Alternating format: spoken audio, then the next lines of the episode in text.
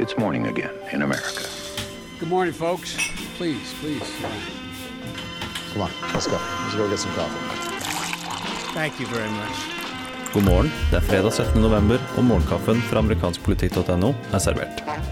I går godkjente Representantenes hus lovforslaget som vil revidere USAs skattekode. Lovforslaget, kjent som Tax Cuts and Jobs Act, ble godkjent med 227 mot 205 stemmer. Ingen demokrater stemte for, og 13 republikanere stemte mot. Vi skal her høre kort fra Speaker of the House Paul Ryan og hva han hadde å si like etterpå. This country has not rewritten its tax code since 1986. The powers of the status quo in this town are so strong.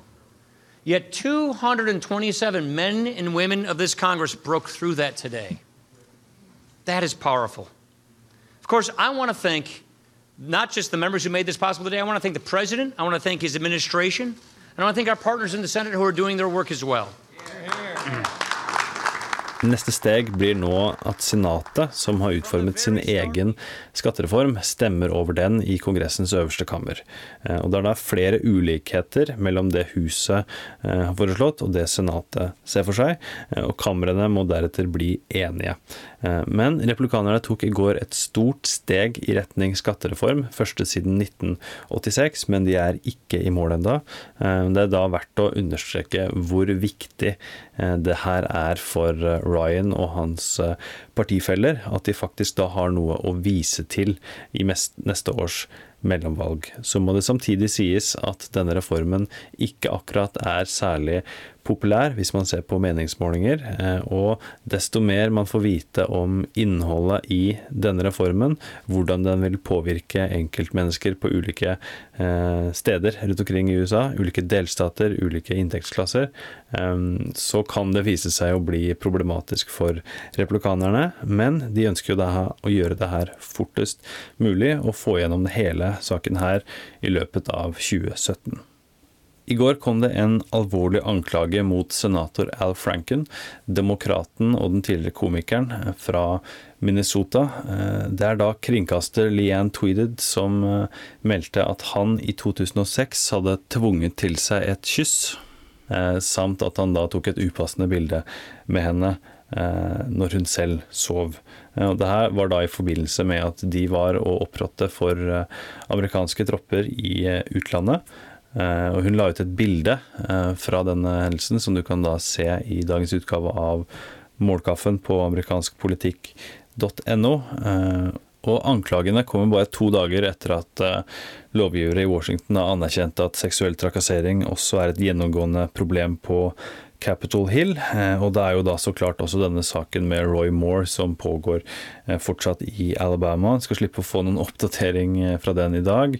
Men Al Franken unnskyldte seg i alle fall kort tid etter denne anklagen her ble kjent. Første forsøk ble imidlertid kritisert for at han ikke tok anklagen på alvor, så Franken prøvde seg igjen litt senere på dagen. Eh, med å si at det viktigste her er at han unnskylder, at han respekterer kvinner, og at han ikke respekterer menn som ikke respekterer kvinner.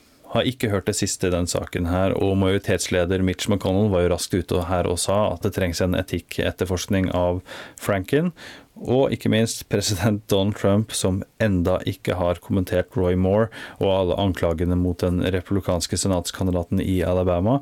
Han lot ikke mulighetene gå fra seg til å gå etter demokraten Al Franken.